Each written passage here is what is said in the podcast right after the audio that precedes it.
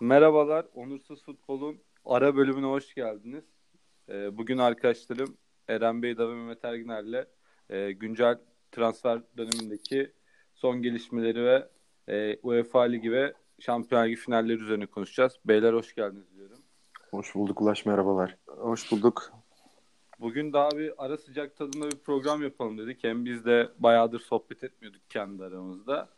Ee, önce isterseniz transferlerden başlayalım. Çok hareketli, beklediğimiz gibi bir transfer dönemi gerçekleşiyor. Çünkü liglerin başlamasına da aslında 3 hafta gibi bir süre kaldı. Herkes konumunu almaya çalışıyor. Ya isterseniz hem sizin daha çok yakından takip ettiğiniz hem de şu anda transferin hareketli geçiren takım olan Fenerbahçe'den başlayalım derim. Hani şöyle hızlıca bir okuyacak olursak zaten e, geçen sene yaptığımız programlarda da beklenen Gökhan Gönül, Caner Erkin, Novak, Mert Hakan Yandaş ve Sinan Gümüş transferleri. Burada konuştuğumuz transferler gerçekleşti.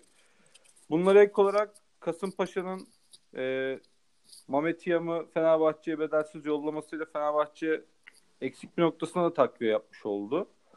Bir de geleceğe yatırım olarak Buca Spor'dan Barış Sungur ve Gölcük Spor'dan İsmail Yüksek alındı. Ee, yakın bir zaman içinde de Vedat Muriç'in artık takımdan 18 milyon euro bir bonservis bedeliyle ayrılması bekleniyor. Öncelikle sözü Mehmet'e vermek istiyorum. Mehmet nerede stoperler? Vedat'ın yerine forvet adayı kimdir Fenerbahçe'de? Tabii diğer transferleri de değerlendirirsin abi. Ee, şimdi kulüp bu akşam bir açıklama yaptı Vedat'la ilgili e, daha kesinleşmiş bir şey yok diye. Ama bu Ali Koç'un e, güzel bir pazarlık yöntemi. Daha önce ilk geldiği sezonda Josef de Souza'dan hatırlayacaksınız. Evet. E, pazarlık kilit noktaya gelince böyle bir açıklama yapıp ertesi gün Josef de Souza'yı istediği fiyata satmıştı Arap ekibine. Yine o şekilde ilerliyor. E, Vedat Muriç Lazio'da 18 milyon euroya anlaşıldı. Sadece %15'lik bir Çaykur Rize payını da Fenerbahçe e, ödetmeye çalışıyor Lazio'ya. E, iş o noktada artık ama transferle ilgili bir sorun yok. Tabii Vedat Muriç'in yerine e, bakılıyor şu anda. Mutlaka ama mutlaka iki santrafor alınacak. E, yeni transferlere gelince de Fenerbahçe e, Ali Koç döneminde geldiğinden beri en parlak, en doğru transfer dönemini geçiriyor diyebilirim kendi adıma. Hiç risk almadan Türkiye Ligi'ni bilen, Türkiye Ligi'nin kalbur üstü oyuncularını toplayarak ve bunların hiçbir tanesine de bonservis bedeli ödemeden Emre Belezoğlu'nun büyük başarısıyla transfer ederek çok büyük bir iş başarıyorlar bence. Aldıkları şu ana kadarki her bir oyuncu gençler dahil altına imzamı atarım. Fenerbahçe transferin şampiyonu olarak başladı. Umarım sezonu da bu şekilde bitirecek diye umut ediyoruz. Eren'e geçmeden ben sayarken açıklanmadı ama Sosa'yı unuttum. Sosa da Fenerbahçe'de artık. Dün İstanbul'a evet. geldi zaten uçakla. Evet. Hani Acun Ilıcalı'nın uçağıyla Jose Sosa geldi. Fakat şöyle bir şey var. Ee, bir artı bir mi yoksa iki yıllık mı anlaşma arasında onun için açıklanmadı hala. Menajeriyle hala bir pazarlık halindeler. Ee, eğer 1 artı 1 olursa 2,5 milyon euro alacak yıllık. 2 yıllık anlaşma imzalanırsa 1,5 milyon eurodan imza atacak. Bunu da bir not olarak belirtmiş olayım. Eren'e geçerken e, birazcık Sosa'nın da transferiyle ben açıkçası orta sahada bir kalabalık Fenerbahçe kadrosu olduğunu düşünüyorum ama yani yaşlarından ziyade oyuncuların belli bir kalitede olmuş olacak yani. Sonuçta e, şampiyonluğa oynayacak bir takımın orta sahasına Fenerbahçe sonunda erişiyor gör, gözüküyor. Sen ne düşünüyorsun bütün transferler hakkında ve e, nasıl transferler yapılmalı sence gelecekte?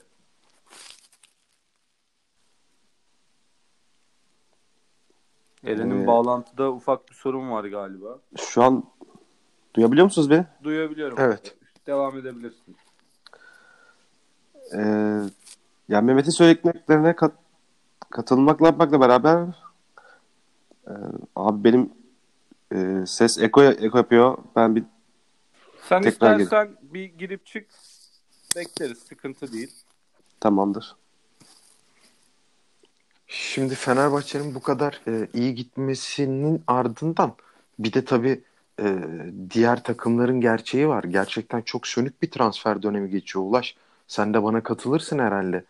Ee, yani diğer takımlar özellikle Galatasaray için bunu söyleyebiliriz.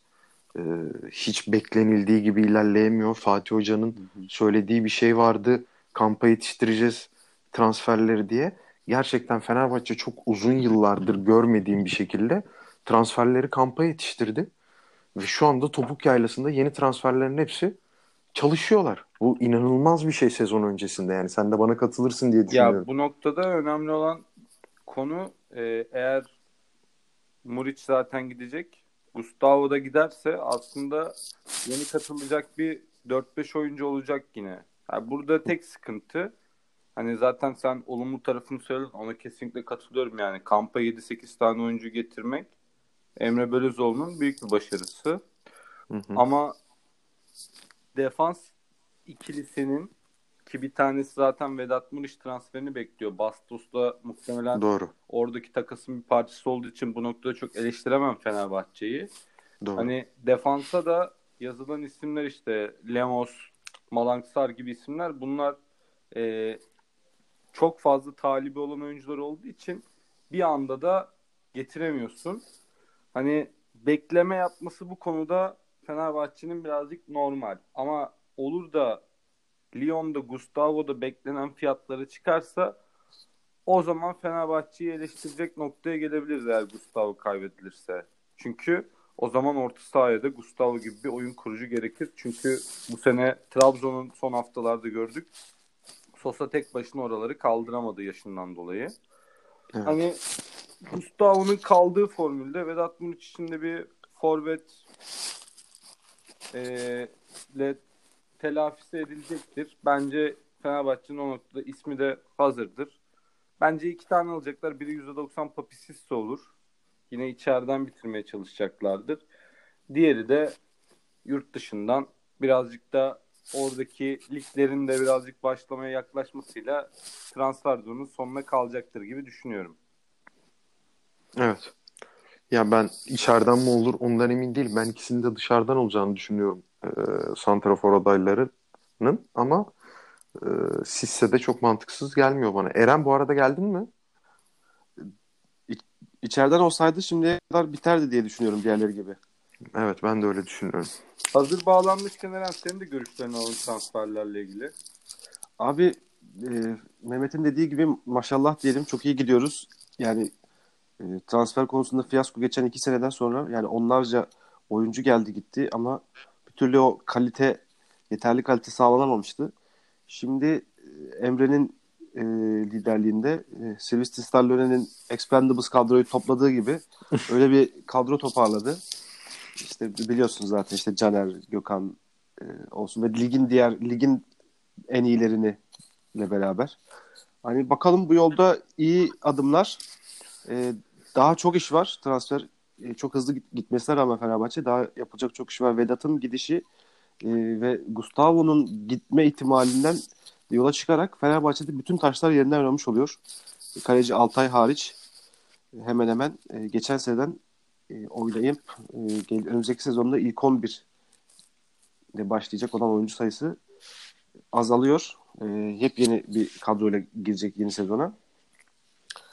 E, stoperlerin acilen bitirilmesi lazım. Geçen sene en büyük sıkıntılarımızdan bir tanesiydi. Ondan sonrası yavaş yavaş e, Forvet'le beraber eğer Muriç ayrılıyorsa ki Mehmet'in verdiği bilgiye göre ayrılıyor. E, yerine bence de iki tane forvet alınması gerekiyor. Tiam'ı tıpkı Sov gibi e, hem sol forvet zaman zaman da üçüncü forvet olarak merkez forvette kullanılabilir. Şeye benzetiyorum birazcık. Ali Koç'un geldiği sene e, orta sahanın lideriyle hücumun lideri gitmişti. Josef'le Giuliano. Gustavo ile Muriç de aynı anda giderse takımın aslında öyle bir yapılanma için bir e, alışma süreci için daha doğrusu 5-6 haftalık bir süreye ihtiyacı olacak. Ama ligin boyu zaten uzadığı için buna da biraz lüksü var Fenerbahçe'nin açıkçası. Takımların Evet. transferde beklemesinin sebebi de hani zaten konuşacağız. Ligin 21 takımla oynanacak olmasından dolayı bazı takımlar transferde acele etmek istemiyor olabilirler. Anlayabiliriz bunu. İlk 5-6 haftayı kayıp olarak görebilir takımlar. Çünkü çok telafisi var ileride. Evet. Ama Fenerbahçe en hazır e, giren takım olmak istediği için hamleleri erken yaptı. Yani son olarak e, şeyi söyleyeyim ben kendi yorum transferlerle ilgili tek tek yorum yapmayacağım. Ya Gökhan Gönül'ün yedeği olarak muhtemelen Dirar düşünülüyor. Ya ben Gökhan Gönül'ün bu çift haftalı maçları düşünürsek kupadır vesaire bir minimum 10 maç kaçıracağını düşünüyorum açıkçası. Hani belki bir ucuza sabek bulursa da alabilir Fenerbahçe. Yani Mehmet zaten Murat Sağlam'ı çok söylemişti geçen sene ama hiç görmedik. Görmediğimiz bir evet. konuşamam şu anda. Ama yani Dirar'ın artık vadesi olduğunu düşündüğüm için belki bir sağ bekte düşünülebilir. Da alınacak defans oyuncusunun birazcık da sağ bek özellikli biri olması düşünülebilir görüşündeyim. Evet sana katılmamak elde değil. Yani Galatasaray'ın Denayer transferi gibi zamanında. Arada sağ beki attığında da sırıtmıyordu Denayer. Öyle bir şey olabilir. Ya isterseniz buradan e, ekleyeceğiniz bir şey yoksa Galatasaray'a geçelim. Olur geçelim. Yani Galatasaray'ın transferleri adam geri döndü Arda Turan. Galatasaray bir kaptanını emekli etti, diğer kaptanına kavuştu. Emre Kılınç, Fatih Öztürk, Oğulcan Çağlayan ve telaffuzunda çalıştığım Ömer El Abdullahi geldi. Yani şimdi isimlere bakınca yani elle tutulur bir Emre Kılınç'ı görebiliyorum ben. Ama onun alındığı yerde de çok fazla isim var. Babel'in vesaire döndüğü ortamda. Hani bilmiyorum nasıl bir gelecek bekliyor Galatasaray transferini. Daha çok başkanımız alamadığımız oyuncularla ilgili açıklama yaparak zamanını harcıyor gibi gözüküyor. İki sezondur beklenen Belanda figürü gidecek mi? Rüyası bence bu sene de yalan. Kalacak ikisi de. Zaten Galatasaray'da bir forvette Falcao bilmecesi varken bir de Cagne gibi derdi var Galatasaray'ın. Hani kadro kalitesi olarak yine kötü bir durumda değil de bu kadrodan iyi bir yemek çıkarmak bana çok zor geliyor. Hani nasıl eklemeler yapılacak? Birazcık da Lemina özelinde de konuşalım. Hoca galiba istiyor ama Beşiktaş da istiyor Lemina'yı. Lemina'nın gideceği takım da birazcık bizim kaderini çizebilir.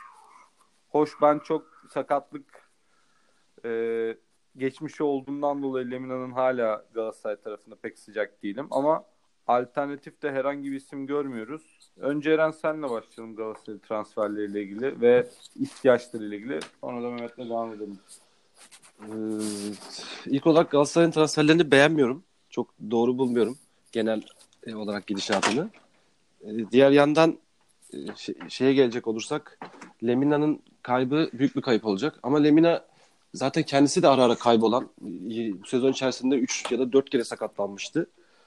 Ee, serinin seri de iyi bir şey ama onun da gitmesi yani e, tabii maliyetlerin e, çok fazla olması, elinde Belhanda, Falcao ve e, Feguli gibi oyuncuların maliyetinin yüksek olmasından dolayı artık seri ve şeyi ikisini birden alabilecek durumu yok zaten kulübün. Hem de bunların bir tanesini seçecek olursa ben de Lemina'yı seçerdim.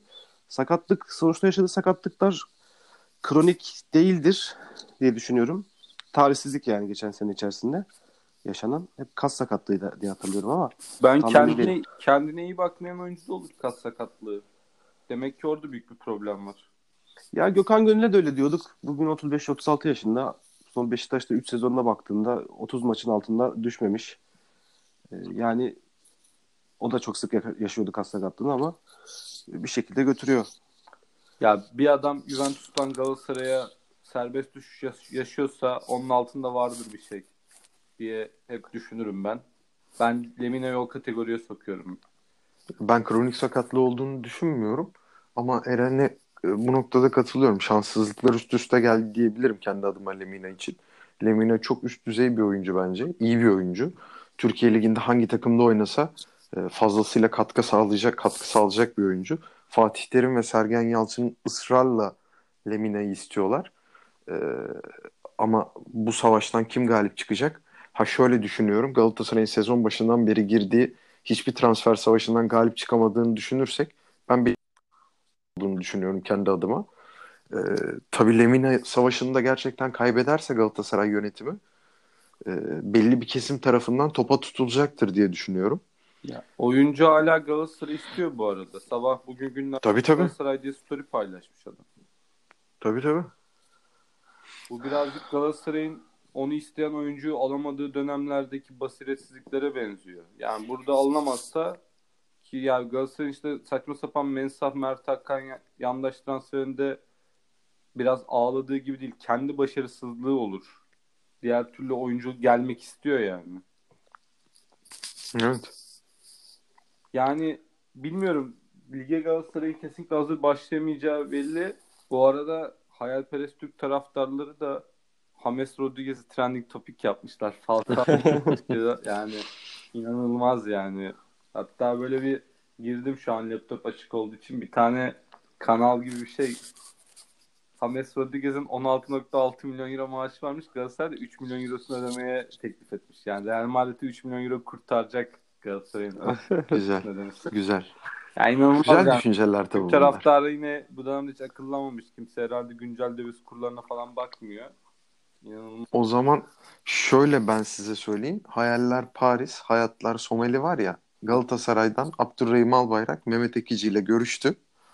Ee, ve e, anlaştı büyük ölçüde. Fatih Terim de bu işe tamam derse Mehmet Ekici yeni sezonda Hamet Roz James Rodriguez değil Mehmet Ekici yeni sezonda Galatasaray forması giyecek. Biz Mehmet Ekici'yi çok istediğimizi geçen seneki programlarda belirttik. ya Fatih Terim'in ne yaptığını bilmiyorum gerçekten de transferi hocaya bırakmamak lazım diyoruz her zaman. Ha, bilmiyorum. Çok Ya benim benim aldığım duyumlara göre maç başı teklif etmiş Galatasaray. E, Mehmet Ekici de sabit ücrette diretmiş. Sonra or- orada kalmış görüşme ama tabii iler, ileride ne olur bilinmez. Ya iyi bir hamle oyuncusu olur. Yani gelecek yıl e, 42 maç haftası 40 tane maç yapılacak. Hani faydası olabilir.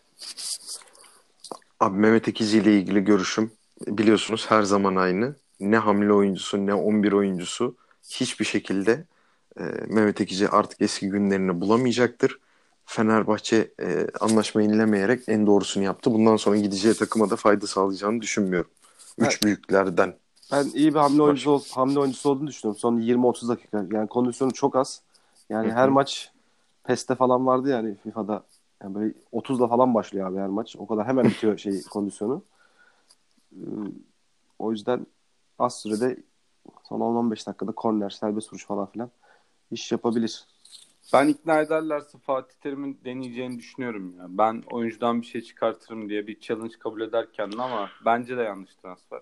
Onun yerine Fa- Son yıllarda Fatih Terim bu hatayı çok yapmaya başladı. Ben bu mantığıyla aldığı oyuncular artık eskisi gibi olmadığı için Fatih Terim de karizmasını bana göre benim düşüncem tabii bu kaybettiği için artık onları da başaramıyor bence.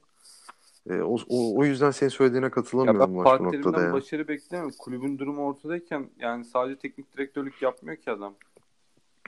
Doğru. Öyle Tabii. bir durum var. Fatih Terim'den büyük başarılar beklemek haksızlık olur yani şu Galatasaray yönetiminde. İnşallah Lemine'yi de kaptırırız da senin bugün yazdığın gibi yani başkan hasta diye kimse eleştirmiyor herhalde. Yönetime de bir artık daha da bir sorgulanmaya başlanması gerek. Buradan Beşiktaş'a geçelim abi. Beşiktaş çok büyük bir oyuncu kaybetti. Burak Yılmaz. Yani Burak da vizyoner bir Türk futbolcusu olduğunu bir daha gösterdi. Şu yaşında Lille giderek. Çok doğru Evet. bir tercih yaptı bence kendi adına. Ee, Beşiktaş'ın transferleri direkt bildiği oyunculara gitti Sergen Yalçın. Wellington, Ensekala. Bir de ligde zaten geçen sene konuşuyorduk. Kayseri düşer düşmez. Her türlü transfer yapacağını bekliyorduk. Mensah'ı aldılar. 500 bin euro gibi kiralama ücretiyle. Ya burada tek bir şey var.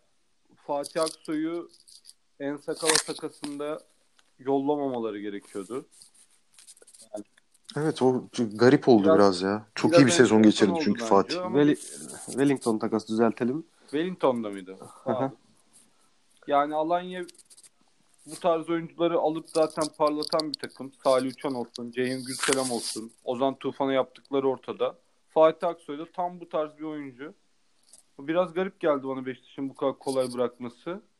Belki hani Dorukan dönüyor, Mensah'ı aldık oraya, Oğuzhan kiradan döndü, Atiba var. Yer bulamaz gibi düşündüler ama bilmiyorum yani. Gayet olabilirdi. Hani Beşiktaş'ın da daha transferlerinin bitmesine bayağı var. Çünkü Tabii tabii. Sağ bek alacaklar, forvet alacaklar. Yani aslında El Neni de ayrıldı. Yani orada Fatih Aksu onun yerine Fatih Aksoy düşünülebilirdi. Ee, Beşiktaş taraftarının genel olarak yorumu da Fatih'i kaybetmek istemedikleri yöndeydi ama ya sonuçta ben tek Sergen Yalçın'ın da e, onayının olduğunu düşünüyorum. Yani o yüzden vardır bir bildikleri diyorum. Mutlaka.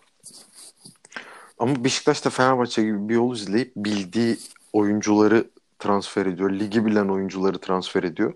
Onlar da minimum riskle e, devam etmeye çalışıyorlar. E, bu sene iyi bir Beşiktaş izleyeceğiz gibi görünüyor. Ya, Forvet'e de en son Koytan'ın ismi geçiyordu bugün.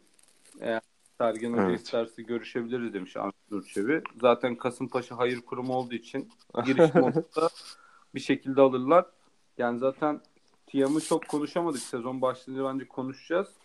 Ya Kasımpaşa'nın bu kadar gol katkısı olan kanat ve forvet bulmakta hüneri tartışılmaz ligimizde. Ben Koytan'ın da büyük takımda oynayabilecek potansiyeli olduğunu düşünüyorum. Yani Jackne gibi kafası gitmezse eğer oyuncuda büyük bir potansiyel var bence. Bence yani mental konularda biraz eksiğin olduğunu düşünüyorum. Yani her maç o konsantrasyonu sağlayamıyor. Yani böyle ya bunu da bunu da mı kaçırır falan diye bir hatırladığım birkaç pozisyonu gözümün önünde. Ama yani Beşiktaş'ta iyi bir yedek forvet olabilir.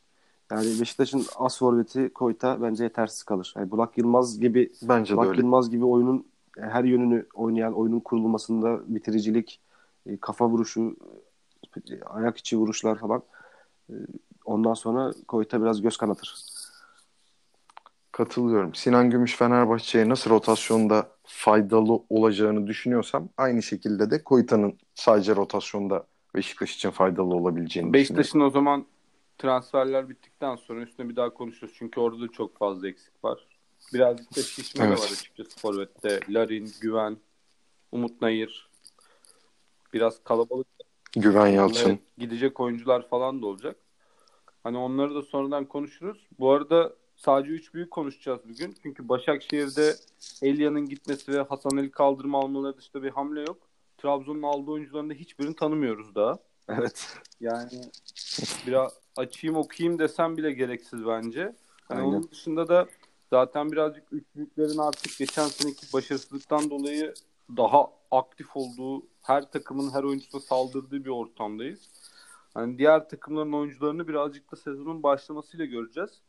İsterseniz kısaca 21 takımlı olan ligimiz 40 hafta sürecek bir maç maratonu. Çift haftalarla daha fikstür de çekilmedi. 3 hafta var ligin başlamasına ama daha fikstür belli değil.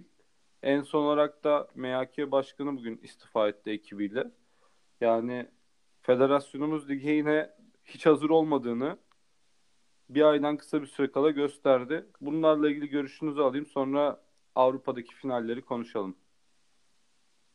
Mehmet senle başlayalım. Senin sevdiğin konular bunlar. Ah, evet. Abi e, dünyanın e, en adaletsiz işi oldu. Düşme kalktı. Alttan takım geldi. Adana Demirspor'un suçu neydi? Niye sezon sonuna kadar oynattık da e, Trabzon'un suçu neydi bu noktada? Niye Başakşehir'i şampiyon oldu? Lig niye böyle tescil edildi? Bir milyon tane soru var. Saçma sapan işler. Ligin küme düşme, ligde küme düşmenin kaldırılması çok saçma oldu. Bir hafta bay geçiyoruz e, bay geçmek kadar anlamsız, manasız bir şey olamaz. Federasyon yaptığı saçma işlere bir tanesini bir halka daha ekledi. Bir hafta nasıl pas geçeriz abi? Neredeyiz? Hangi ülkede yaşıyoruz? Kaçıncı yüzyıldayız? Nasıl bu kadar hazırlıksız olabiliriz? E, manasız işler. E, MHK başkanının sonu gibi federasyon başkanının sonu da aynı olacak. Hep söyledim programda. E, bunlar gidişlerin ayak sesleri. Daha fazla devam edemeyecekler. E, bu baskıyı kaldıramayacaklar. Gidecek dediyse gidecektir. E, MHK içinde Serdar Tatlı ismi e, öne sürülüyor. Öyle duydum en azından. Öyle söyleyeyim. Serdar Tatlı yanlış hatırlamıyorsam beni düzeltin. Daha önce yapmış mıydı MHK başkanlığı? Kısa bir süre yapmıştı diye hatırlıyorum. Kısa bir süre yapmıştı gibi hatırlıyorum ben de. O da çok başarısız bir dönem geçirmiş. Yani en azından dediğim gibi öyle hatırlıyorum. O da başarısız bir dönem geçirmişti. Yok mu yeni isimler? Yok mu bunu devir alacak namuslu, düzgün bir adam? hata yapsın ama eyyam olmasın için içerisinde.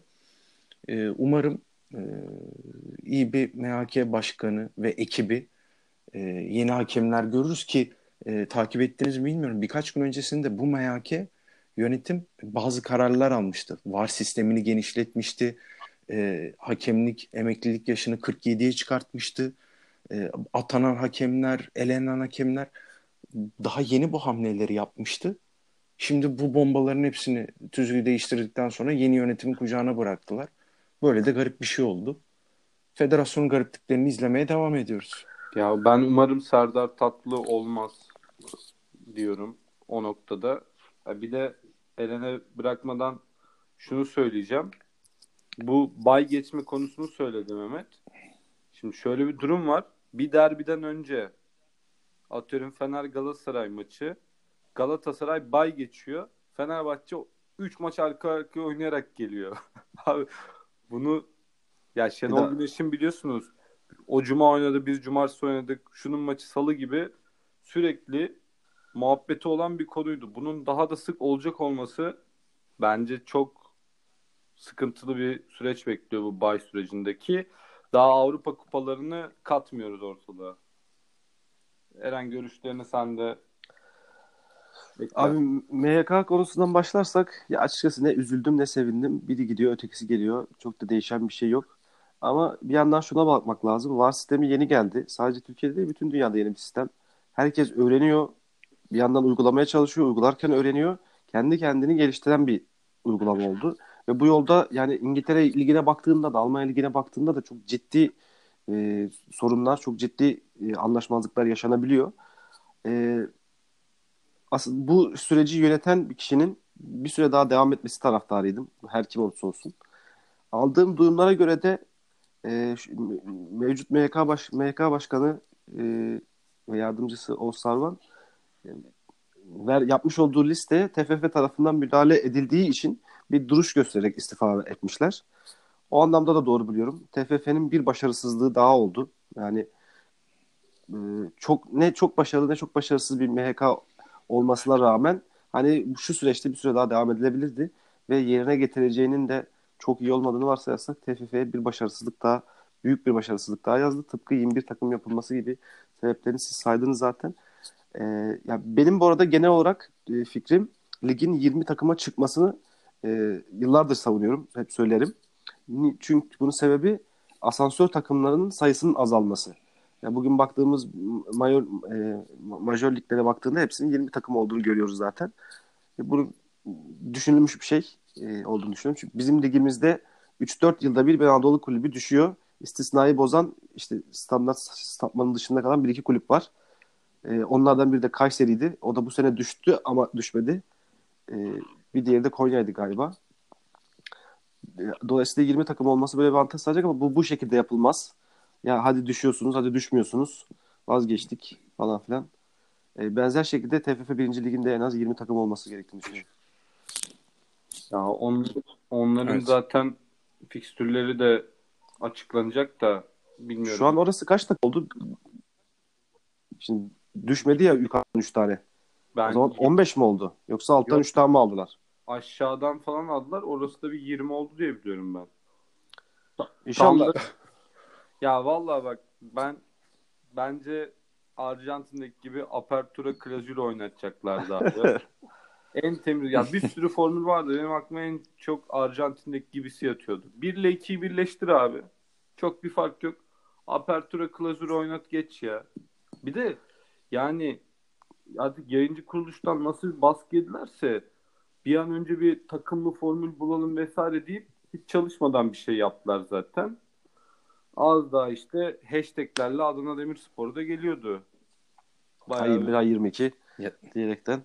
Abi bir şey söyleyeyim mi? Bence doğrusu olurdu ya. Yani şu noktada bir hafta pas 21 takımdansa finali oynatma iki, iki takımı çıkarmak bana göre doğrusu Finalden olurdu yani. Ha, oynandıktan evet. sonra heh, oynandıktan sonra finalden sonra evet ya yanlış bir durum var. Olayın ama... cambazlığı orada. Finalden iki gün sonra falan da basın toplantısı spor mıydı? Evet. Ya neyse zaten hani yani bu korona dönemi girdiğinde bunun kararı verilmiş olması gerekiyordu. Bayağı da uzun bir süre vardı. Yani sadece bir takım düşecek bu sene deselerdi e, alttan da e, takım olurdu. Bu iş çok tatlı bir şekilde, çok güzel bir şekilde biterdi. Ama maalesef son dakika alınmış ani bir kararla e, federasyonun aldığı saçma kararlara e, şöyle bir güzellik oldu geri viteslerine. Yabancı evet. sınırı. Konuştuğumuz ve savunduğumuz yabancı sınırı olayı da oldu arkadaşlar. Bu süreçte güzel şeyler de oldu. Evet yani. onu birazcık antrenörlerin çıkışı bence temelde yaktığı ışığı. Başta Fatih Terim, Sergen Yalçın, Okan Buruk. Okan Buruk şampiyonluk programında falan söyledi yani. Yanında bir de Göksel Gümüşdağ varken bunu yapması da bayağı bir etkili bence. Hani dediğin gibi sürecin tek pozitif tarafı bu altyapıdan oyuncu vesaire olaylarının en azından ötelenmesi. Bir sezon Başka ertelenmiş sezon ertelendi o da değişir bir şekilde. Kesin. Hani onları zaten ara programlarımızda yine sık sık konuşacağız. O belli oldu. Ligde yani maçlar dışında çok fazla şey konuşulacak. İsterseniz son olarak birazcık futbol konuşalım. Ee, Şampiyonlar Ligi ve UEFA Avrupa Ligi finali var. Önce UEFA Avrupa Ligi finalinden başlayalım. Bu arada Başakşehir'i de Kopenhag elemesini bekliyorduk ama Kopenhag çok rahat eledi Başakşehir'i. Finalde Sevilla Inter oldu. Favoriniz kimdir maçla ilgili? Ben Inter'in kazanacağını düşünüyorum.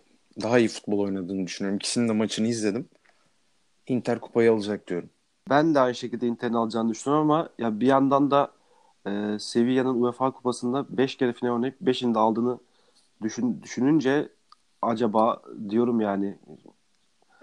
ama evet Inter daha iyi. Sevilla yine mütevazi bir çok böyle hani şöyle baktığında kadrosuna Jesus Navas dışında Hani o da yılların oyuncusu orada. Onun dışında böyle çok hatırlay işte çok bilindik oyuncuları yok. Daha mütevazı bir kadrosu var. Fernando'yu nasıl Scouting... saymazsın? Bu nasıl taraflılık ya? E, tabii tabii Galatasaray'da giden Fernando var da. Takıma. Ya başka başkaları da var tabii ki de ama çok da hani şey gibi değil yani. E, bir Inter'in kadrosunun çok daha net en az 10-15 tane oyuncusunu biliriz yani. Tabii analiz edip değerlendirebiliriz evet. doğru. Sevilla'da bir kere Galatasaray'a 10 senedir yazılan Ever Banega var. Her yazan evet. Banega'yı. o yani, da iyi futbolcu abi. Kime Türkiye'de çok iş yapar. Bak Banega'yı bir takım alsın lig bitti diye tweet atarım. Tam bir oyuncusu. 8-10 arası her şeyi yapıyor. Enteresan bir oyuncu. Giuliano'ya benzetiyorum birazcık onu. Fener'deki enteresan oyuncu ama hayatta Galatasaray'ın parası etmez. Ben de katılıyorum size. Inter çok daha iyi oynuyor ama seviye olur da bu kupayı alırsa ya her sene pay versinler ya da kupanın adını seviye kupası falan diye. yani altı olacak gerçekten. İsmini Böyle bir dominasyon yani. yok. Bence diğer taraftaki maç birazcık daha denk. Paris Saint Germain Bayern Münih. Aslında bekliyorduk bu finali. Birazcık City'nin orada faktör olmasını bekliyorduk. Olmadı. Yani ben ne Juventus'un ne Barcelona'nın elenmesine çok şaşırmadım. Zaten futbol oynamıyordu hiçbir takım. Sadece Paris Saint Germain'in liginin bu kadar ara vermesine rağmen bu kadar iyi dönmesi, özellikle Neymar'ın çok şaşırtıcıydı. Bayern Münih zaten bangır bangır top oynuyordu. Onlara liglerin erken bitmesi bile hiçbir şey yapmamış. Bence en iyi iki takımı finale çıktı. Çok da güzel bir maç izleyeceğimizi düşünüyorum. Maçla ilgili favoriniz kim? Ee, benim favorim e, denk bir maç olacağını da düşünmüyorum ben senin gibi. Bayern Münih bambaşka bir top oynuyor. Yani pandemi süreci adamların üzerinden hiçbir şey almamış, üzerine eklemiş. Nasıl oluyor ben de anlamadım. Bayern Münih'in kupaya ulaşacağını düşünüyorum kendi adıma. Ee, yani ya, çeyrek final ve yarı finalden başlarsam e, maçların tek maç olması, tek ayaklı olması bence biraz denklemi değiştirdi. E, Paris belki yine bu şekilde gelirdi ama yani en azından farklı yarı finaller izlerdik. Bir Manchester City Juventus maçı izleyebilirdik. E, Lyon'un enteresan e, çıkış sürpriz çıkışıyla bunları izleyememiş olduk. Yani tek maç olması bana çok keyif vermedi açıkçası. Siz ne düşünüyorsunuz bilmiyorum. Ben güzel olacağını düşünüyordum aslında bir yandan da. Tabii seyircisiz olmasının da etkisi var belki. E, seyircili ama tek maç olsaydı nasıl oldu tam bilemiyorum. E, finale gelirsek ya Bayern Münih'in gerçekten e, ligin ikinci yarısından beri e, korona öncesinin ve sonrası dahil 27 galibiyet, bir beraberlik e, ve sıfır mağlubiyetlik bir serisi var. Buna Almanya Kupası, Almanya Ligi ve Şampiyonlar Ligi de dahil. Yani müthiş bir seri. E, durdurulamaz gibi geliyor bir yandan. Ama ben Ulaş'a da e, hak vererek yani %60'a 40 diyorum. Gerçekten Mbappe, Neymar da e, hiç yabana atılacak oyuncular değildi. Değiller. En küçük hatayı affetmeyeceklerdir. Ki iki tarafın da e, maçlarını izlediğimde rakip kaleciyi hataya zorladılar. E, iki tarafta da öyle goller geldi. Hani çok iyi basıyorlar, çok önde basıyorlar. Oradaki bir ani, küçük, ani top kapmalar hızlıca gole götürebilir. E, keyifli bir maç izleyeceğiz. Ya zaten e, Paris Saint Germain az daha Atalanta'ya eleniyordu. Evet. 90'da buldu iki gol çeyrek finalde. Öyle gitti. Hani Evet. birazcık modumuzun düşmesi de çeyrek finaldeki 4 maçta efsane oldu. Yarı finalde 2 maçta çok rahat koptu. O yüzden finale gelirken birazcık hani beklenti bulunamamış gibi olduğunu düşünüyorum. Yoksa Lyon City maçı çok güzel maçtı. Barcelona Bayern Münih maçı zaten Şampiyonlar Ligi tarihini belki Messi'nin Barcelona tarihini bitirecek bir maç oldu. Atletico Madrid Leipzig maçı da git geldi güzel bir maç oldu. Atalanta Paris maçı da zaten 90'da çözüldü. Hani iki takım da yarı finallerini domine ederek geldi ama ikisi de pozisyon veriyor gayet. Hani ben Bayern Münih'in alacağını tabii ki de düşünüyordum ama ya Mbappe ile Neymar'ın çok formda olduğu için ben Paris Saint Germain'in kupayı artık kazanacağını düşünüyorum. Bayern Münih her şeyde kazanmasın. Hoş Bayern Münih Real Madrid'in üst üste Şampiyonlar Ligi kazandığı dönemde genelde hakemlerle Real Madrid elenerek uzaklaşmıştı. Onlar da hasretler Şampiyonlar Ligi kupasını ama Evet bayağı oldu aslında. ya Paris Saint Germain'in de şu yatırımları artık bir sonuç bulsun diyorum. Çünkü takımın bu kadar futbolsuzluktan böyle iyi dönmesi gerek Paris'in ayrıca Lyon'un da öyleydi. Bence mucize. Yani, Yani senin attığın bir tane grafik vardı Eren. Tabii Ha, şimdi ona değinecektim. Ulaş. Çok güzel Zaten- ya. dört tane dört takımın ikisi Alman, ikisi Fransızdı. Bunların ligleri ya yoktu ya erken bitti. Dirilikle de geldiler. Çünkü Premier Lig'de, La Liga'da falan. La Liga'da zaten Barcelona Real Madrid sonuna kadar şampiyonluk belli değildi. Premier Lig'de zaten rölanti maç oynamak istesen de oyna, oynayamıyorsun. Hep bir darbe darbe var. Hani birazcık da o dirilik de etkili oldu. Takımların da en yük- en yüksek performansla çıkacağını düşünüyorum final maçına. Çok da eksikleri yok ikisinin de. Hoş Paris'te bir iki eksik var ama en azından bütün yıldızlar sahada olacak. Evet güzel bir final bizi bekliyor. Evet. Ee, yani Paris galiba tarihinde ilk defa çıkıyor finale. O yüzden biraz tabii Neymar'ın da Brezilya'yla çok iyi şeyleri yok. Final, yarı final hatıraları yok. Ben biraz daha Bayern Münih önde görüyorum. Daha tecrübeli, daha inanmış bir şey geliyorlar. Kulüp kültürü olarak da şey olarak da. Ee, bir diğer taraftan da şeyi söyleyecektim. Hani İngiltere Ligi'nde özellikle iki Manchester takımını e, bu sezonki işte 57. 58. maçlarını oynadıkları için artık e, bir de bu e, Şampiyonlar Ligi maçları çok seri oynandı. İkişer üçer gün arayla bir sonraki maça çıktılar. O yüzden özellikle Manchester iki Manchester kulübü de bu yoğun temponun kurbanı oldular. Zaten şunu gördük. Çift maç haftaları olduğu sürece bahis falan oynanmaz. Niye ya? Ya Ne onun ne çıkacağı belli değil şeyin abi. ne olacağı belli olmuyor ki. Ha, sen ha, Süper Lig'de diyorsun. Süper Lig'de çok karışır Eren. Evet yani dediğin gibi olabilir mesela Beşiktaş e, işte ikinci hafta 3-0 yendi.